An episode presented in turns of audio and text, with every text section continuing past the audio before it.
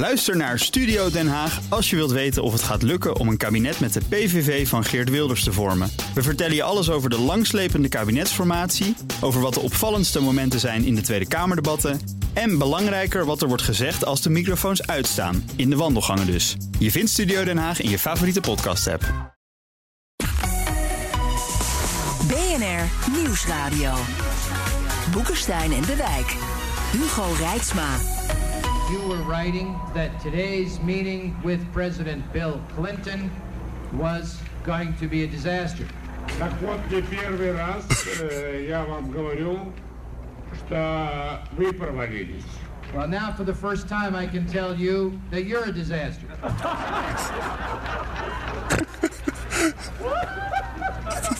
Dat is Clinton. Ja. dat is Clint, dat is Clint en die lacht zo. Echt een boekensteinlach. Ja.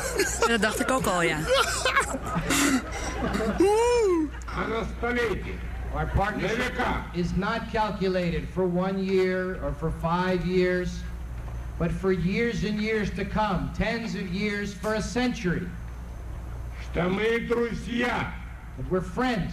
In oktober 1995 zouden Rusland en het Westen 100 jaar vrienden worden. Waar ging het mis? En wat leert ons dat voor een uitweg uit de huidige crisis? Dat bespreken we bij Boekenstein en de Wijk op zoek naar de nieuwe wereldorde. Met in de studio Boekenstein en de Wijks eigen Clinton en Yeltsin. Je hoorde al de herkenbare lach. Arend Boekenstein en Rob de Wijk. Onze gast is Laurien Crump, universitair hoofddocent internationale betrekkingen aan de Universiteit Utrecht. En daarmee de baas van Arend Jan, eh, begreep ik net. Ja, ik moet ontzettend op mijn woorden passen. Het wordt wel spannend. Dat moet je, Inderdaad. Dat moet je hier sowieso aan, Jan. Welkom, Laurien. Goedemorgen. Eh, je eh, doet onderzoek naar de geschiedenis van de internationale betrekkingen. Is het in het diplomatieke verkeer tussen grootmachten een belangrijke rol weggelegd voor de slappe lach? Was het maar waar. Eh, ja, ik, wat mij altijd opvalt als ik archiefonderzoek doe, is zeker als je onderzoek doet in die Oost-Europese eh, archieven van tijdens de Koude Oorlog, die iets minder, eh, waar de overleggen wat minder aan regels gebonden waren en protocollen, dat ik wel vaak zelf de, de slappe lach eh, eh, had. Wat mensen soms ook verbazend vonden. Maar ik denk als we, als we naar, de, naar de praktijk kijken en naar de huidige crisis in, in Oekraïne, dat er helaas niet zoveel te lachen valt. Nee. Waar is het na die vriendschap tussen Clinton en Yeltsin misgegaan tussen het Westen en Rusland? Ik denk eigenlijk dat het al voor die eh, vriendschap tussen Clinton en Yeltsin eh, was misgegaan, maar dat ze het nog niet zo goed door hadden. Als je eigenlijk kijkt naar het einde van de Koude Oorlog, eh, is dat einde in, in pakweg elf maanden beslecht. Hè, tussen de val van de Berlijnse muur in, in november 1989 en de eenwording van Duitsland in oktober 1990. Eh, de toenmalige Sovjetleider Gorbachev had grootse plannen voor een gemeenschappelijk Europees huis en een terugkeer van Rusland naar Europa. En hij toen dat dat bijvoorbeeld via de Conferentie voor Veiligheid en Samenwerking in Europa, nu de OVSE, zou kunnen plaatsvinden. Alleen in die elf maanden, wat wel eens de, de stroomversnelling van de geschiedenis wordt genoemd, toen was ook nog de Golfoorlog bezig, eh, waardoor mensen hun aandacht ook verdeeld was, eh, is eigenlijk de nadruk steeds meer opgeschoven naar de NAVO en, en, en eh, wat toen nog de Europese gemeenschap was. En hoe die, hè, wat uiteindelijk gebeurde, naar het oosten eh, zich uit konden breiden. En daar is het eigenlijk misgegaan. Er is ook een bekende Amerikaanse diplomaat, eh, Bill Hill, die heeft een boek eh, geschreven, No Place for Russia. En zijn theorie is eigenlijk dat we in een fundamenteel probleem zitten wat de Europese veiligheidsstructuur betreft, omdat we na de Koude Oorlog niet goed genoeg hebben gedacht over hoe we Rusland in, een, in zo'n architectuur konden integreren. En dat is het probleem waar we nu mee zitten. En ik zou die Oekraïne-crisis wat dat betreft eerder een, een symptoom dan een oorzaak van eh, de crisis in Europese veiligheid. Ja, Arend-Jan, ik zie jou knikken. Dat moet je natuurlijk, Natuurlijk. doen. En, eh, Absoluut. Ja, er zijn contracten in het spel. Ik, ik heb, ik heb eh, kaartjes hier, wat, wat Laurien opgeschreven. Nee, maar het is, ont- het is heel interessant wat Laurien zegt. Weet je, je kunt een hele lange lijn trekken van George Kennan, hè, het Mr. X-artikel in Foreign Affairs. Die was de man van die, die de aard van het regime uitlegt aan het Amerikaanse publiek. En dan voor containment, voor indamming pleiten. Maar deze man was ook de man die kritisch was over de NAVO-uitbreiding. Net zoals de oude bolk trouwens, dat was hè, in het verleden. Het is natuurlijk nu allemaal water onder de brug. Maar wat ik interessant vind, dat Laurien plaatst zich dus in een traditie van grote mensen hoor. We, hebben dus de, het van Oekraïne hebben we dus Kissinger. Mersheimer en Stefan Cohen, echt niet de minste, zijn een minderheid in het Amerikaanse eh, beleid hè, van- ten aanzien van de Oekraïne. Maar die hebben jouw standpunt ook heel erg, dat we in termen van invloedssferenregeling moeten gaan denken. Is dit positief genoeg? Ja, ja, ja, ja. Nee, dat- dat contract komt wel goed. Nou, je, maar, maakt nu eh, wel, je maakt nu wel een hele snelle slag, uh, Arend Jan. Eh, eh, Kennelijk heeft Want- zij al een vast contract. ja, ja, Niet bij mij. nee, maar kijk, ik bedoel, invloedssferen, eh, die zijn natuurlijk toen eigenlijk van tafel geveegd. Ja. Eigenlijk, ja, er is wel een invloedssfeer, maar dat is een westerse invloedssfeer. Ja. En die reikt ongeveer bijna tot aan de Russische grens. En de vraag is of die invloedssfeer nu kan worden teruggeduwd. En als je dus kijkt naar de, eh, de brieven. eh, die eh, Poetin heeft geschreven aan Stoltenberg, hè, de schreef van, van de NAVO en aan, aan Biden. Ja, dan eh, de eisen die daarin zijn geformuleerd, betekenen feitelijk dat die invloedssfeer tot diep in Europa wordt teruggedrongen. Alleen de grote vraag is, ja, je kan wel houden van invloedssfeer, maar hoe ga je dat dan doen? Nou, dat is een grote vraag. Maar waar ik blij mee ben, eh, Rob, is dat jij het woord invloedssfeer noemt. En ook bevestigt dat er ook westerse invloedssferen zijn. Ja, dat is natuurlijk ook gewoon zo. Tuurlijk, alleen dat vind ik heel verwarrend vaak in dit debat. Hè, dat er gedaan wordt alsof er aan de Russische kant invloedssferen zijn. en aan de westerse kant alleen maar mensenrechten, bijvoorbeeld. Nou, zo wordt het natuurlijk wel gezien. Eh, zo wordt het geframed. En, en, in, en, en in het oosten in Rusland. En, maar ik denk dat is juist problematisch, Ja. want daardoor praat je volledig langs elkaar heen. En, en wat je nu ziet is ook een conflict inderdaad om invloedssferen... en om die westerse eh, invloedssfeer die, die oprukt tot aan de Russische grens. Hmm. En ik denk dat dat een serieuze dreiging is voor Poetin. En ik wou nog heel eventjes hebben over... Nou ja, over- de vraag is waarom dat dan een serieuze dreiging is. Want dat is niet een onbelangrijke vraag. Eh, Ik, heb het hier wel eens vaker gezegd. Ik kom nog wel eens een keer in Moskou. En ja, ik heb ook wel eens een keer geroepen van... wat is nou jullie probleem eigenlijk? Ik bedoel, de, de, de Nederlands-Duitse krijgsmacht... die bestaan eigenlijk niet meer. Eh, Macron die verklaart de NAVO is dood. Eh, eh, Trump die wil eruit stappen. Eh, er wordt nu manmoedig gepoogd om die hele handel weer een beetje bij elkaar te brengen door Biden. Ik bedoel, wat is, je probleem nou eigenlijk? Eh, dat is denk ik wel een belangrijke vraag hoor. Ja, ik denk dat het een heel belangrijke vraag is. En ik denk dat we ons daarvoor iets eh, moeten verplaatsen in, in het Russische perspectief.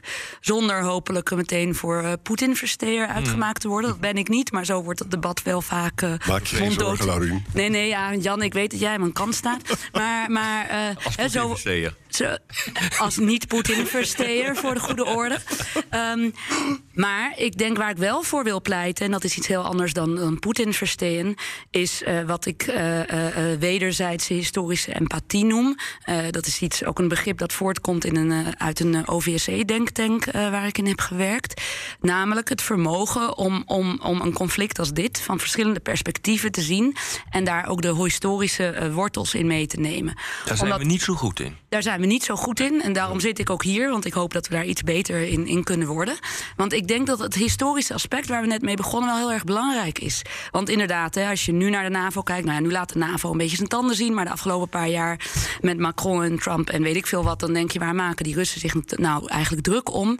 Maar ik denk dat er aan de Russische kant, kant wel echt een, een trauma ligt over dat einde van de Koude Oorlog. Ja. Hè, waarbij Bush senior die heeft ook gezegd: hè, We won the Cold War and they didn't. We can't let them clutch, clutch victory from the jaws of defeat. Er is natuurlijk in een zweem van, van triomfalisme, Fukuyama, end of history, Hm. die Koude Oorlog beëindigd. Eh, daarna is er eigenlijk niet goed nagedacht over hoe Rusland ingebed kan worden in een veiligheidsstructuur. Nou, daar, ho, ho, ho, daar is wel over nagedacht. Eh 1990, het handvest van Parijs. Daar, is, daar hebben de Russen echt hun handtekening onder gezet. Europe whole and free. Eh, elk land mag zijn eigen keuzes maken. Mag zelf bepalen bij welke organisatie zich wil aansluiten.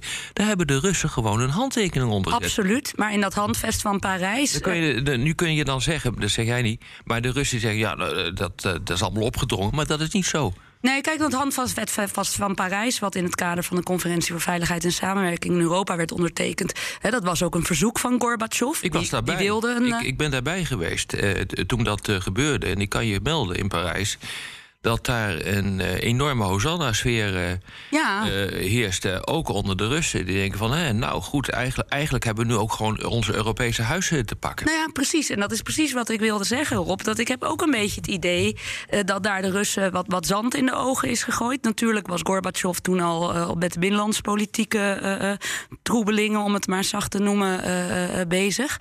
Alleen de Russen hadden het idee in, in de aanloop naar dat handvest van Parijs, hè, in dat kader van de CVSE, waar de Koude Oorlog ook echt op papier ten einde eh, werd, uh, werd verklaard. Uh, de Russen hadden inderdaad het idee dat dit ging niet alleen over Europe Free, maar ook een Europe Whole en een Europa waar de Russen deel van zouden zijn. En dat die CVSE, later de OVSE, waar dat handvest werd ondertekend, daar een belangrijke rol in zou spelen. En als je het hebt over bijvoorbeeld gemiste kansen, dat is vaak een, een debat. Hè, wat zijn de gemiste kansen na het einde van de Koude Oorlog? Lagen die in 89 of 1990? Ik heb veel met diplomaten uit alle windstreken gesproken in een, in een uh, oral history workshop, precies over dat handvest van Parijs, die daar ook waren. En wat die eigenlijk zeggen van, nou ja, die, die gemiste kansen die lagen een beetje later, want er zijn in de eerste helft van de jaren 90 pogingen geweest om de, OV, of de CVSE en vanaf 94 de OVSE belangrijker te maken. Dat, dat zouden pogingen, als die geslaagd zouden zijn geweest, had dat Rusland meer verankerd in een Europese veiligheidsstructuur. Er was onder andere een initiatief, ik meen in 1994, van de Duitse en Nederlandse ministers uh, en Kinkel. En dat initiatief heette OSCE First. Hè, dus in plaats van NATO First, wat eigenlijk nog steeds de doctrine is, zou het OSCE First zijn. Dat initiatief is al van tafel geveegd door de Amerikanen voordat het op de agenda verscheen bij de OVSE. Ja, het was helemaal niet zeker dat de NAVO zou overleven in die tijd. Ik kan me dat nog heel goed herinneren. En dit initiatief kan ik me ook nog heel goed herinneren. Uh, al die discussies hebben we gehad. Ik moest toen zelf ook uh, voor de minister daar het een en ander over uh, schrijven. Minister van Defensie in dit geval. Maar dat ging ook weer naar buitenlandse zaken toe. En het was eigenlijk een idee om op twee paarden te wetten, wedden. Of op de NAVO die zou worden uitgebreid. Of op de OVSE voor het geval de NAVO zou sneuvelen. Exact. nou, allebei hebben ze het overleefd. Alleen de NAVO is relevanter geworden uiteindelijk. En zeker nu dan de OVSE. Ja. Ja, alleen, alleen er zijn dus wel, als je kijkt naar het sneuvelen van dat OSCE First initiatief. Uh, uh, de Amerikanen, hè, en ik denk de rol van de Amerikanen in, in, in de, het huidige conflict nu is natuurlijk ook van eminent belang. Die hebben heel wat te winnen, maar ook heel wat te verliezen. Hè, maar zijn het de Amerikanen die ook de OVSE niet als, als belangrijker dan de NAVO hebben gewild. En het, het is een ja. steeds terugkerend debat. Hè. In 2017 heeft de toenmalige trojka van de OVSE een, een, een, een, een pleidooi gehouden in allerlei landelijke dagbladen waarin ze zeggen: to put the OSCE back in the heart of multilateral diplomacy in Europe. Omdat het, idee was van als die OVSE weer terugkeert en als het niet steeds over de NAVO gaat, in het hart van de Europese diplomatie, dan zou dat een uitweg uit de Oekraïne-crisis kunnen bieden. Ja, maar goed, ik bedoel, de Russen die houden zelf ook niet zo van de OVSE. Uh, ze melden hun troepenbewegingen niet meer aan. Hun oefeningen melden ze niet meer aan. Ze, de grootste oefening die er ooit is gehouden... die knippen ze op in kleine deeloefeningetjes...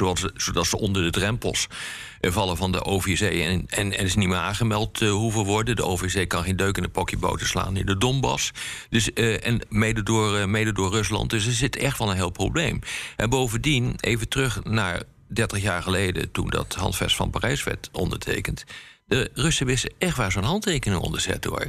Ja. En uh, zij begrepen heel goed uh, dat door dat, uh, dat, door dat verdrag, of wat er ook mogen wezen, dat handvest, het niet zo was dat de NAVO niet zou worden uitgebreid. Sterker nog, de, dat, dat handvest dat maakt het mogelijk dat de NAVO wordt uitgebouwd. Wat een essentieel onderdeel daarvan was dat elk land de keuze mag maken die hij zelf wil. Economisch, politiek, maar ook qua bondgenootschappen. Maar dan komen dus de, de momenten daarna worden dan belangrijk in de analyse. Hè? En ja. ik vind het wel eens leuk, ook verfrissend om het vanuit het Russisch perspectief dan te schetsen. Hè? Want de Russen hebben natuurlijk wel een punt. Wat hebben we gehad? Libië, regime change, stond niet in die VN. Bijvoorbeeld in 99 ook Kosovo. Dat Kos was echt gewoon... Kosovo zit dus heel diep, zit het bij Heel diep, hè? Ja. Nou, mm. Libië, regime ja, change... Even uitleggen, dat was dus een interventie door een NAVO zonder mandaat. Ja, Exact. Van de VN-veiligheid. Exact. Nou, Irak was natuurlijk ook zonder mandaat. En nu eventjes... Nee. Oh, Irak, ja. ja dan 2003 bedoel je. Hè? Dan 2014 de Oekraïne. Als je dat nou goed bestudeert, hè. Victoria Nuland zat daar dus gewoon letterlijk een nieuwe regering een beetje te formeren. Zo doen de Amerikanen dat. Hè. De, Amer de, de, Russen zaten al op de Krim. Die hadden daar een lease van 40 jaar eigenlijk ja. onbeperkt. Hè. Dus het is ook niet zo vreemd dat je dan agressief wordt als de situatie valt. Van, vanuit die kant. Ja, maar je... we wisten al in ja. die tijd. Hè, ik uh, heb toen me meegewerkt aan de Defensienota 91 en de Prioriteitennota 93. Daarin hadden we al opgeschreven dat uh, de Krim het grootste probleem in Europa zou kunnen worden van, eh, voor de komende decennia. En dat had gewoon te maken met het feit dat er een Russische basis in, uh, op het Schiereiland uh, zat. Ehm, en dat zouden de Russen nooit accepteren. Dat staat gewoon letterlijk op papier. Je kan het nalezen. Nou, ik ben blij dat je dat zegt, Rob. Want ik denk wat ik, wat ik nu problematisch vind. Hè, laat ik wel wezen, ik ben op geen enkele manier een, een voorstander van, van Poetin. Integendeel. Maar in het debat wordt heel veel aan de persoon Poetin verbonden. Hè? Terwijl wat jij ook al noemt, dat, de Krim problematisch zou zijn. Dat, dat, dat was in de begin jaren negentig al, al bekend. Ja. Uh, Huntington schreef in zijn Clash of Civilizations begin jaren negentig ook al dat Oekraïne waarschijnlijk uiteen zou vallen. En daarnaast, om toch nog weer even naar het begin van de jaren negentig uh, terug te gaan. En dat handvest van Parijs, je, hebt gelijk wat daarin staat. Daar hebben de Russen uh, met, met overtuiging hun handtekening onder gezet. Hetzelfde geldt voor westerse leiders. En er staat ook van alles bijvoorbeeld over de bescherming van minderheden. Nou, dat zou je ook weer anders kunnen interpreteren vanuit het licht van de Oekraïne-crisis en, en de deelrepublieken Donetsk en Lugansk. Maar wat ik daar nog wel even wilde, over wilde zeggen, is dat verhaal over die bondgenootschappen en daar zelf voor mogen kiezen. Dat was toen natuurlijk hypothetisch. Het Warschau-pact bestond namelijk nog. Nou, was in onze kringen was dat echt niet hypothetisch, kan ik je melden. Echt niet. Wij wisten heel goed wat, uh, wat dat uh, ging betekenen en waarom dat erin is gekomen. Ja, alleen ik, ik denk wel dat, dat dat besef aan de Russische kant uh, wat minder aanwezig ja, was. Ja, die verkeerde gewoon in chaos. Nou ja, precies. En, en ja, totale chaos. Zullen we, zullen we eventjes naar de actualiteit? Want er zitten heel veel 30 jaar geleden. Dat schetst heel mooi de context. Maar even de situatie nu. Um, want het is vrijdag, dus we hebben het al een week niet over Oekraïne gehad. Ja. Um, wat, wat, hebben we nu gezien? De Russen die zeggen hun troepen terug te trekken. Biden kondigt geloof ik elke dag de komende invasie aan. ja. wat, wat, ik, uh, ik ben een beetje de draad kwijt. Wat gebeurt hier? Ja, de NAVO is ook de draad kwijt, uh, begrijp ik. Ja. Uh, die hebben ook geen idee wat er, wat er gaat gebeuren. Nou ja, dat weten we niet. En, en dat is natuurlijk het leuke van uh, wat er op dit ogenblik aan de hand is. is een typisch voorbeeld van wat we altijd genoemd hebben... hybride oorlogsvoering. Dus uh, je probeert die strijd met heel veel verschillende middelen...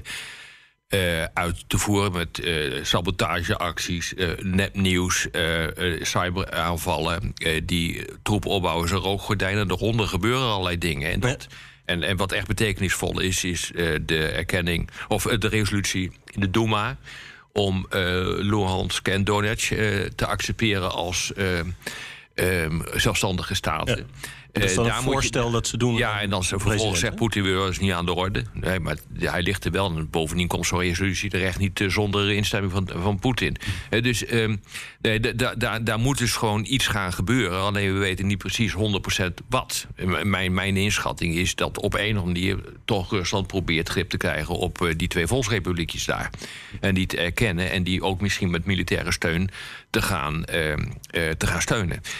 nou ja, en dan... Uh, dan hebben we dus echt wel een probleem. Uh, want dat, dat, is een, dat is geen invasie. Maar dat is een soort ja, de facto annexatie. Waarbij je de vraag kunt stellen: van hoe moet je daar dan op reageren? Want die landen of die gebiedjes zijn toch al de facto Russisch. Dus dat wordt echt een heel groot probleem. Ja, het probleem is dat dat het Minsk-proces natuurlijk dan ondermijnt als dat gebeurt. Hè? Oh ja, dat, is, dat Mag ik daar nog ja. wat over zeggen, over dat Minsk-proces? Want jij had het er net over, Hugo, van een week geleden. Uh, wat, er ook in die week is gebeurd, hè, ik ben het eens met, met wat jullie noemden natuurlijk. Uh, wat er ook in die week is gebeurd, dat een week geleden hadden we het over uh, het Normandië-overleg dat net had plaatsgevonden plaatsgevonden. Vorige week donderdag, tien uur lang, tussen Oekraïne, dat Rusland. Is die over Minsk, ja, ja, tussen Oekraïne, Rusland, uh, Duitsland en Frankrijk. Dat is een overleg waar, waar uh, de Amerikanen en Britten niet aan deelnemen. Die ook voor binnenlandspolitieke redenen natuurlijk en voor allerlei andere redenen graag het initiatief uh, willen hebben.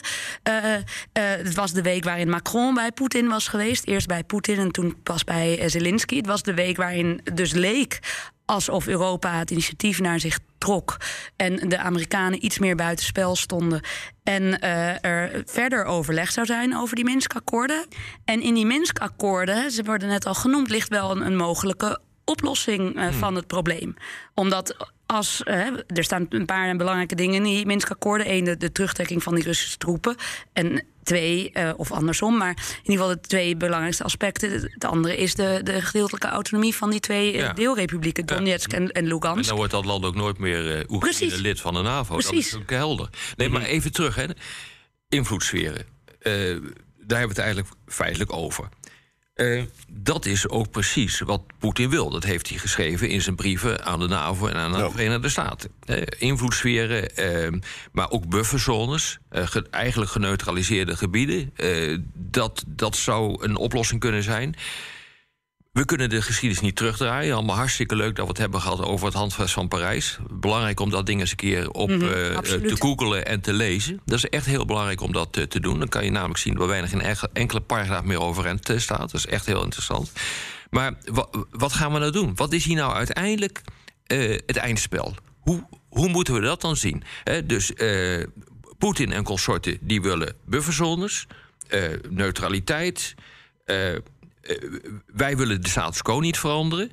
Ja, Hoe kom je hier dan uit? Nou, ik wil een voorschot doen. Van, volgens mij is het de, in, de, in, de, in de krachtenconstellatie die we nu hebben, hebben we de facto hebben we dus een bufferstaat. De situatie de facto is eigenlijk al zo. We praten alleen maar over een kauwgomformule die voor iedereen acceptabel zou zijn. En dat zou dan dus voor de Oekraïne zijn dat ze niet op korte termijn NAVO-lid kunnen worden. En, en dan op de hele langere termijn, weet je, dat, dat soort verhalen. Zou Poetin daar genoegen mee kunnen? Nou ja, dat is de grote Interessant is dat er acht, eh, echt op de achtergrond uh, discussies zijn in Oekraïne over een neutrale staat. Exact, dat gebeurt. Dat wordt, dat wordt nu gedaan. Zelensky die zal natuurlijk zeggen: oh, dat is allemaal niet zo. Maar dat, ze, ze die, beweging, die bewegingen zijn er nu. En wat ook gebeurde erop, wat heel interessant, Scholz was in zijn verklaring de enige die dus zei van... ja, luister eens, het is not on the cards dat uh, Oekraïne NAVO-lid Ja, en, en, en, en onze grote vriend Macron die heeft al geroepen... Finlandisering, dus een neutrale staat... dat zou eigenlijk wel een redelijke uitweg zijn. Dus met andere woorden, met Scholz en Macron valt te dansen hier. Ja, en daarnaast zijn, uh, zijn natuurlijk de betrekkingen... ook tussen, tussen Kiev en, en Washington flink verzuurd de afgelopen week. Ja. Zelensky is helemaal niet blij met de manier waarop de Amerikanen olie op het vuur gooien... ambassades leeglopen OVSE-waarnemers kan er wat knap doen, hoor. Maar het is, maar het is wel dus de dubbelloon. Vanuit machtspolitiek... Uh, ja. Kijk, het is dus, zichtspunt is het wel heel erg knap. Het is ja, maar dat is iets anders dan of het voor Kiev prettig Ja, maar weet je, dit is natuurlijk nooit leuk. Ik bedoel, we, we, zijn niet op de wereld om, uh, om het iemand gezellig te maken. Uh, dat, dat bestaat niet in deze internationale betrekking. Even voordat we uit de tijd lopen, is er nou een, een, uh, een oplossingsrichting voor deze crisis te verzinnen? Waarbij inderdaad dan die geschiedenisles waar we mee begonnen in acht nemend Rusland een soort plaatsje aan tafel krijgt in de orde van veiligheid in Europa? Nou ja, je zou kunnen denken aan. Uh, er, gaan wel eens uh, stemmen op voor een Helsinki 2.0. Als we nog langer teruggaan in de geschiedenis. Die gaat er ook komen. 1975. in 2025 gaat die, moet, die, moet die er komen. Nou ja, maar oh, dat, daar zijn de voorbereidingen al voor aan de gang. En wat moet daar dan in staan, in dat Helsinki 2? Nou ja, dat je eigenlijk opnieuw denkt over, nadenkt over de Europese veiligheidsarchitectuur. en welke plaats Rusland daar, daarin zou kunnen nemen. Ja. ja. Ja, maar dan is de grote vraag: hoe dan? En daar, ik, ik heb daar geen antwoord op, op dit ogenblik. Ik ben redelijk creatief hoor in dit soort dingen, al zeg ik het zelf. Maar ik kan niet bedenken, omdat op de, eh, de, de, verschillen zijn zo groot. De eisen van uh, Poetin staan zo haaks op wat de NAVO wil.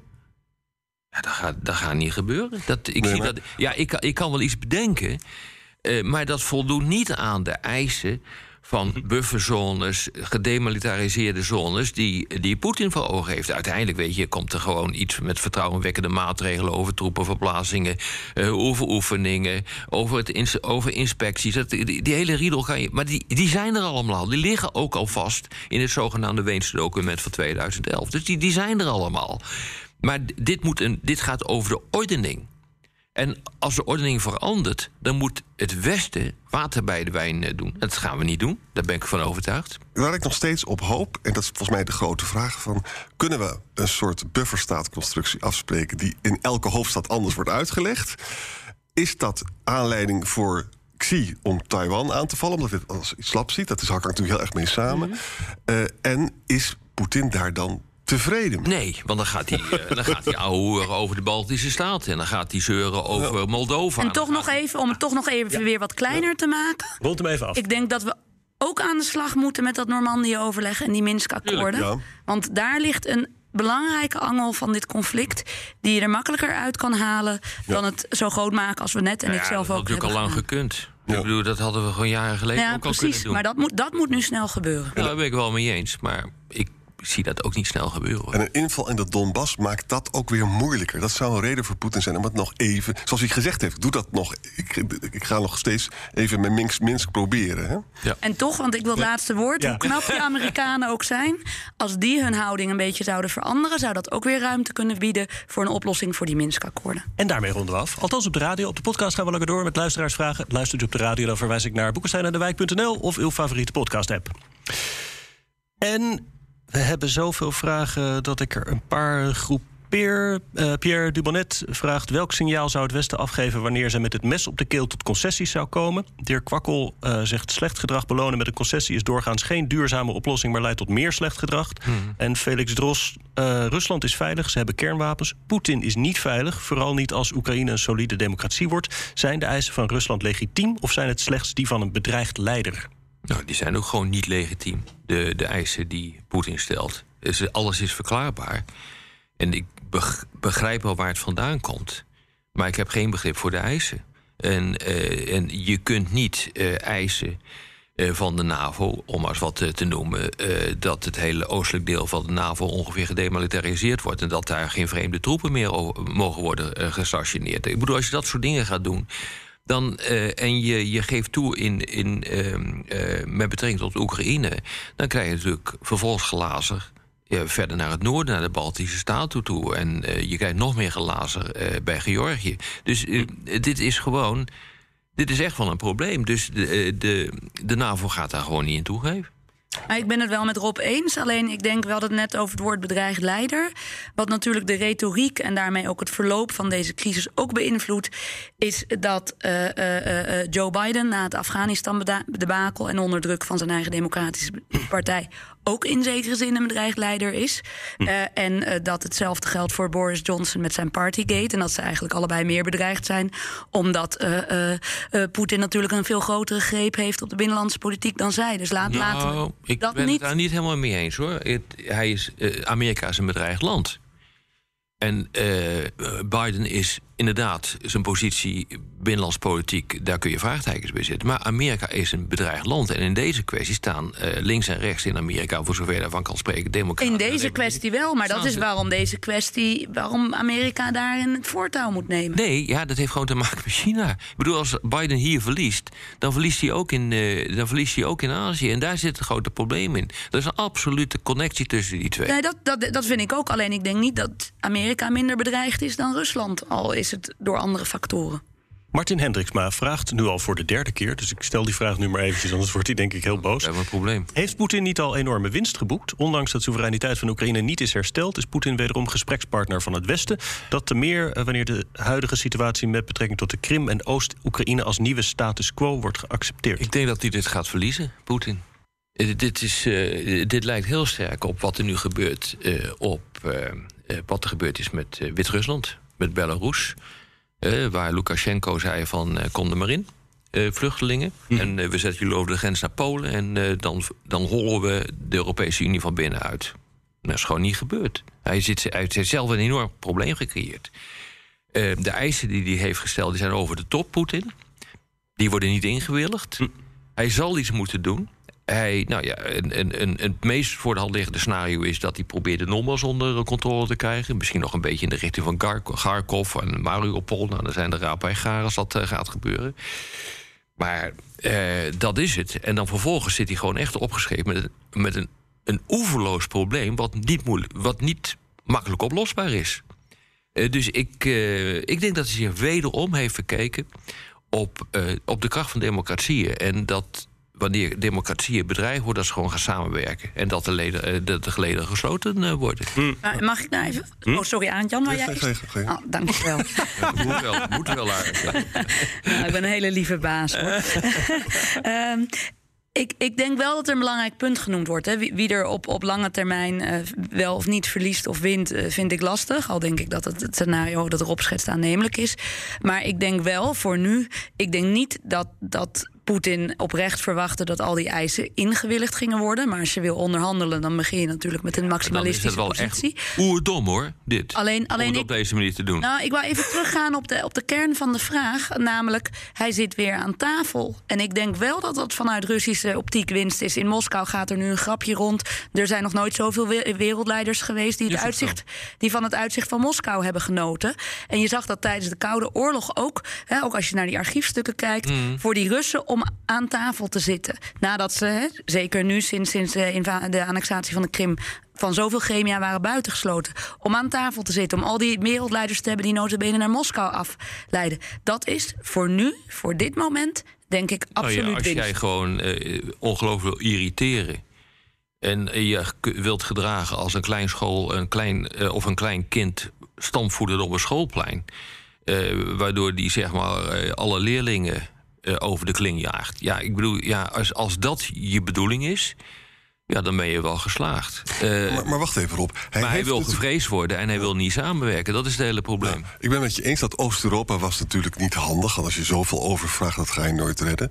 Maar kijk eens nou wat er de facto gebeurt. Economisch wordt eh, de Oekraïne compleet ge- eh, als een boa constrictor kapot gemaakt. Hè. Heel succesvol. Biden zegt in zijn eigen speech... ja, we gaan nu naar 10% inflatie. We will pay a price here too. Hè. Nou, je weet hoe boos de Amerikanen bij de benzinepomp zijn. Eh, hij heeft ook nog de, de gaskraan. Ik denk, als hij slim schaakt... dat hij er een bufferstaat uit kan halen. En, en dat is vanuit de, vanuit de veiligheid... Heeft hij al, maar ja, hij vindt dat toch belangrijk... dat dat ook op papier komt. geen, ja, maar hij daar geen juridisch bindende verklaring over. Nee, maar hij Dat kan dat... gewoon niet gebeuren. Maar hij kan dat thuis wel weer verkopen. Want hij kan van de thuisfront ook niet gaan vechten. Want dat willen de Russen eigenlijk helemaal niet. Hij kan daar best wel met een face-saving operation uitkomen. Dat kan ook wel, maar hij krijgt niet voor elkaar wat hij heeft geëist. Nee, dat is... En daarmee heeft hij toch verloren. Ja, dat, is, dat hangt vanaf hoe je verlies definieert, denk ik. Nou ja, ik bedoel, dan moet je het niet op papier schrijven op die manier. Maar het zal hem continu worden ingevreven. En ik denk dat die troepen daar dus heel lang blijven staan nog. Ik denk dat de druk op de, op de diplomatieke onderhandelingen... dus vanuit die kant wordt aangeduwd. En ik denk, je ziet, Macron en Scholz zijn bereid om te dansen in het eindspel. Hè? Die willen wel praten over de Oekraïne. Nou, ik denk dat we nog lang geen eindspel hebben. Hoor. Nee, nee, maar dat weet ik wel. Nee, maar, maar, maar, ook, maar ook in de buurt van... eh, Rob zegt terecht, in Oekraïne zijn nu ook mensen... die hun knopen aan het tellen zijn. Ja. Hè? Dat is toch interessant. Maar goed, we zullen het zien. Eh Duifmeneer vraagt naar die uitspraak van de Russische ambassadeur Shulgin in uh, Nieuwsuur, waarin hij begon over kernwapens. En wat daar de adequate reactie op zou zijn. Nou, ik vind het wel verontrustend eh, dat je dus nu leiders hebt die het woord kernwapen gebruiken. Hè, eh, dus de Russische ambassadeur die heeft in Nieuwsuur gezegd van als jullie eh, de, eh, Rusland binnenvallen eh, als NAVO, dan hebben we kernwapens. Ja, dat hoeft hij niet te vertellen, dat weten wij namelijk ook wel. En bovendien kunnen we Rusland niet eens binnenvallen. Dat is gewoon militair onmogelijk om dat te doen. Kijk maar naar het Nederlandse leger, om maar eens wat te noemen. Dus dat, dat kan helemaal niet. Is allemaal, De piloot is allemaal en, en, de, en de luchtboot is lek. Ja, dat is gewoon echt, gewoon echt onzin. Uh, maar wat ik echt uh, uh, zeer zorgwekkend vind... is dat die Russen toch wel tamelijk losjes over kernwapens spreken. Krim, 2014, Lavrov die zei van... als Oekraïne de Krim wil, wil terugveroveren, dan hebben we kernwapens. Ja, daarop zei Poetin zoiets ook. Nu dit weer. en bovendien, er wordt hier een conflict gestart... Waar kernwapenmogelijkheden bij betrokken zijn in Europa. Dit zou god, god beter het tijdens de Koude Oorlog onmogelijk zijn geweest. Maar we zien datzelfde. Uh, zien we ook in Azië. Uh, China, Amerika, kernwapenmogelijkheden. China, India, idem dito. Dat is, tijdens de Koude Oorlog kon dit niet. het woord kernwapen noemde je niet. Dan zei je, ja, er zijn serious consequences. Ja. Dat was het... het dan wist je ongeveer wat er bedoeld werd. Maar veel, veel verder ging je niet. Iedereen snapte nog uh, wat er gebeurde in 62 met de Cuba-crisis... Waar de, waar, waar de wereld op de drempel van de kernwapenoorlog zat. En daar heeft men van geleerd en dat bestaat niet meer. Dat is zeer zorgwekkend. Edna McCloy vraagt, ja, dat hebben we ook een beetje behandeld... heeft het Westen Rusland in de steek gelaten na het uiteenvallen van de USSR? Het Warschau-pact had geen functie meer, de NAVO bleef bestaan. Was dat verstandig? Nou ja, iedereen zal, eh, veel mensen zullen nu zeggen van... eh, ja, dat was eh, verstandig, want kijk maar wat er gebeurt. Ja, Ja, maar wat, wat jij had het net, Arend Jan, eh, jij had het net over, over hè, wat George Kennan, de, de architect van de, van de indamming aan het begin van de Koude Oorlog, hè, de Amerikaan in de jaren negentig, zei over die, over die NAVO-uitbreiding. En dat waren nogal sterke woorden. Hè. Hij zei: the, the founding fathers will turn in their grave. En hij zei ook dat het een self-fulfilling prophecy zou zijn. Dat de Russen, hè, ondanks het feit dat eh, Macron het nu hersen, of on- vorig jaar hersendood verklaarde enzovoort, maar dat de Russen dat als bedreigend zouden ervaren. En dat dat ervoor zou zorgen dat de Russen in het offensief zouden gaan. En ik, ik denk dat dat ook is eh, eh, eh, wat, wat we hier zien. En iets wat ik daar straks nog had willen zeggen. Toen, toen, die, toen die gesprekken over NAVO-uitbreidingen. waar Bill Clinton, toenmalige Amerikaanse president, groot voorstander van was, plaatsvonden. lag hij ook erg onder vuur vanwege de affaire met Monica Lewinsky. En uit archiefstukken die net zijn vrijgegeven blijkt dat hij zich door die overleggen heen slaapwandelde. En dat er ook wel Amerikaanse Ja. beleidswerkers. eh, ja, omdat hij of met Monica Lewinsky bezig was of met het schandaal daaromtrent. En dat er, in, dat er ook Amerikaanse beleidsmakers zijn die nu zeggen van nou, ja, we hebben een aantal dingen daar wel misschien iets te onzorgvuldig aangepakt. Dat is ook zo. Ja, maar dat was ook al wel bekend hoor. Eh, nou ja, goed, zo, maar wat er gebeurd is onder Yeltsin met eh, Christopher, eh, minister die eigenlijk toen heeft gezegd van oh, die NAVO wordt niet uitgebreid. Ja, je moet niet teruggaan naar, eh, naar Gorbachev. Eh, de, de- dat wat, werd al allemaal gezegd, die uitbreiding van de NAVO in de context van de Duitse eenwording. Eh, vervolgens is het nooit vastgelegd. Maar het, waar het dichtste erbij kwam, was ik, ik denk in 394, iets in die geest. Toen zij de meest harde toezeggingen gedaan. Nou, daar hoor je natuurlijk nooit wat over. En daarnaast, oh, mag ik nog wat zeggen? Ja? Je mag nog wat zeggen. Ja, eh, eh, nou ja, ik, ik denk ook, hè, want er is een heel debat over... is er wel of niet een belofte gebroken aan het eind van de Koude Oorlog... over die NAVO-uitbreiding. Ja. Nou, ik denk dat dat niet, niet ter zake... dus er waren geen juridisch bindende toezeggingen... maar er zijn wel dingen vast moeten leggen. er zijn wel dingen gezegd door onder andere de Amerikaanse minister van Buitenlandse Zaken. Dat was ook niet de minste. Maar het Warschau-pact bestond toen nog, dus het was Ja. in zeker opzicht hypothetisch. Maar wat ik daarover wilde zeggen is dat er, dat er nu wel eh, historici zijn... en ook diplomaten trouwens die toen actief waren... die, die spreken in termen van een, een broken spirit of collaboration. En ik denk dat dat ook zo? van, van, van, van belang is. Want een broken spirit of collaboration... is denk ik een, een, een, een- een, meer bruikbare term om te bedenken van... Hè, wat is er misgegaan, Mhm. om maar weer terug te gaan... sinds dat einde van de Koude Oorlog. En waarom zit dat die Russen zo hoog?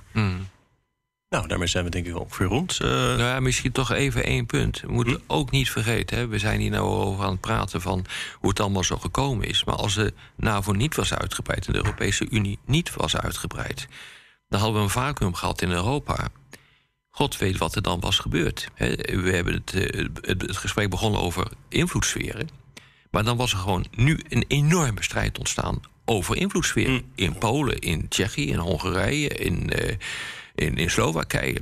Op dezelfde manier als je nu kunt zien op de westelijke En Balkan. daarom is de echte fout, verdrag van Boekarest 2008... je moet niet zeggen dat Oekraïne lid van de NAVO gaat worden. Gewoon Dat niet is, doen. dat is ook heel fout. eh. En, Dat is en echt zelfs heel fout. De, de Britten begin jaren 90, die wilden dat NAVO-uitbreiding niet een proces was. Hè? Die wilden in één keer een hoop Ja. landen toelaten Ja. en dan klaar. Ja. En dan had je ook een andere situatie gehad. nu. ja. Het perfide Albion. Ik noem alleen nog eventjes eh, de vraag van Steef Den Haag aan Arend Boekenstein... of je hem wil deblokkeren. De luister, luister Steven, als ik jou blokkeer, dan heb je dit ernaar gemaakt, jongen. Dat, dat zegt hij ook. Hij zegt ook, het was wel terecht, ik lulde maar wat. Maar dat doe ik eigenlijk nog steeds, maar dan minder irritant. Dus echt Steef Den Haag. Het is een luisteraar, dus nou ik doe het, maar als je weer gaat schelden, dan pak ik de blokkeer. Oké. En, en sorry aan Sander Hamburger dat we voor de vijfde keer zijn vraag niet hebben behandeld. Oh, merk terug, ik nu. een terugkerend eh, het rubriekje niet van meer? maken. Excuus aan Sander. Vind je niet? sorry, Arend Sander. Terugkerend re- eh, rubriekje. Dat lijkt me deblokkeren. Ja. Dit was weer Boekenstein in de Wijk. Namens Arend Jan en Rob de Wijk zeg ik dank voor het luisteren. Speciale dank aan Lorien Trump. En tot volgende week. Dank u wel.